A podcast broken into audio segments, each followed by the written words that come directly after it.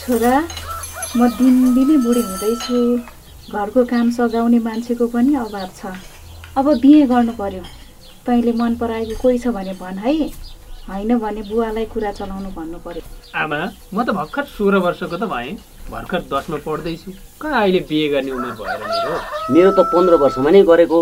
तेरी आमा त झन् तेह्र वर्षकी थिए। खै हाम्रो त राम्रै छ। बुबा म पहिला पढाइसक्छु त्यसपछि राम्रो जागिर खान्छु अनि मेरो उमेर पनि पुग्छ। तपाईँहरूलाई भविष्यमा राम्रोसँग पाल्न सक्ने हुन्छु अनि मात्रै विवाह गर्छु नि हुन्न। त्यसपछि हामी झन् खुसीका साथ बस्न सक्छौँ।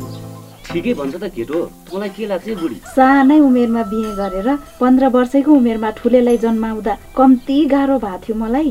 घर व्यवहारमा परेर न पढ्न पाइयो न साथी सङ्गीहरूसँग रमाइलो गर्नु पाइयो। तपाईँसँगै हुर्केको तल्ला घरे सानीमाको हेर्नु त कति राम्रो जिन्दगी छ। ऊ बेलामा राम्रोसँग पढेर जागिर गर्नुभयो। अहिले गाउँमा नै शिक्षक भएर बस्नुभएको छ। हो हुन त। मैले पनि पढ्न पाएको भए अहिले यति धेरै दुःख पाउनु पर्ने थिएन होला।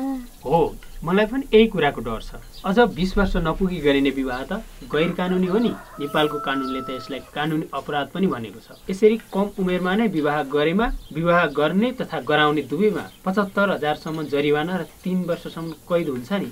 हो हो केटोले ठिकै कुरा गर्यो। तपाईँको समुदायमा बिस वर्षभन्दा कम उमेरमा विवाह गरे वा गराउन लागेको थाहा पाएमा नेपाल प्रहरीको एक सय बाल हेल्पलाइनको एक शून्य नौ आठ र बाल विवाह न्यूनीकरण अभियन्ता सहजकर्ता सिन्धुपाल्चोका अर्जुन शर्मालाई अन्ठानब्बे पाँच बाह्र उनासी शून्य साठीमा खबर गरौँ। जनहितका लागि चौतारा साङ्गा चौगडी नगरपालिकाको सन्देश।